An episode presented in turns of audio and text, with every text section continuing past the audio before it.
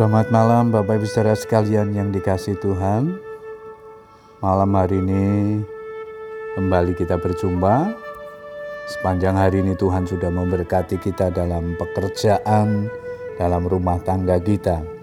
Malam hari ini kita bersyukur karena Tuhan yang selalu memelihara kita hari lepas hari.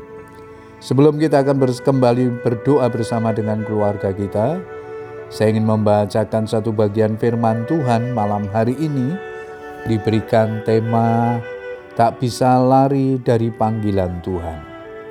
Ayat mas kita di Mazmur 139 ayat 9 dan 10 firman Tuhan berkata demikian.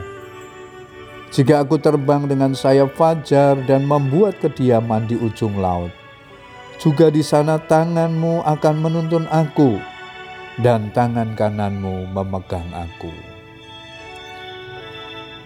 Dengan cara apa pun, pergi ke mana pun dan sejauh mana pun kita berusaha lari dari hadirat Tuhan dan menghindari panggilannya.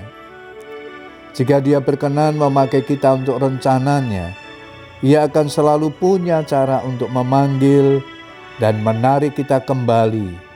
Sebab engkau sanggup melakukan segala sesuatu dan tidak ada rencanamu yang gagal. Demikian Ayub 42 ayat yang kedua. Sungguh tidak ada tempat mana pun yang dapat menyembunyikan kita dari hadapan Tuhan. Baik itu di atas langit atau di bawah bumi atau bahkan di dunia orang mati sekalipun. Tidak luput dari pandangan dan perhatian Tuhan. Suatu hari Tuhan mengutus Yunus untuk memberitakan kebenaran dan menyerukan pertobatan kepada orang-orang yang tinggal di kota Niniwe. Niniwe adalah ibu kota kerajaan Asyur, tempat di mana penindasan dan kekejaman muncul dari kota itu. Secara manusiawi, mungkin saja timbul rasa takut dalam diri Yunus untuk ke sana, karena Niniwe adalah kota yang besar dengan penduduknya yang terkenal kejam. Mungkin juga ia berpikir, percuma saja pergi. Orang-orang di sana pasti tak mempedulikan peringatan Tuhan. Karena itu Yunus memilih kabur dan mangkir dari tugas yang Tuhan percayakan. Ia memutar haluan pergi menjauh ke Tarsis, suatu tempat yang jauh dari hadapan Tuhan. Bapak Ibu Saudara sekalian yang dikasih Tuhan, jika Tuhan ada di mana-mana dan maha tahu, hendak lari ke manakah Yunus? Ke ujung dunia mana pun Tuhan pasti tahu keberadaannya. Itulah sebabnya dalam perjalanan laut menuju kota Tarsis, Tuhan mengizinkan malapetaka berupa angin ribut dan badai besar.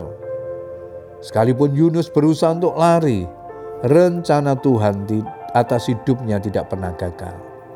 Atas campur tangan Tuhan dan seizinnya seekor ikan besar menelan Yunus dan ia pun harus tinggal di dalam perut ikan itu selama tiga hari tiga malam. Dalam perut ikan inilah Yunus menyadari kesalahannya dan menyesal. Ia minta ampun kepada Tuhan karena telah memberontak dan Tuhan tidak berkenan kepadanya. Sahabat-sahabat yang dikasih Tuhan, jangan pernah lari dari panggilan Tuhan. Tuhan selalu punya cara untuk kita kembali kepadanya. Puji Tuhan, kiranya firman Tuhan pada malam hari ini akan memandu jalan-jalan hidup kita untuk kita tetap setia pada panggilannya, tetap setia mengiring dia, tetap setia mengikut Dia, tetap setia melayani Dia sampai selama-lamanya. Selamat berdoa bersama dengan keluarga kita. Tuhan Yesus memberkati. Amin.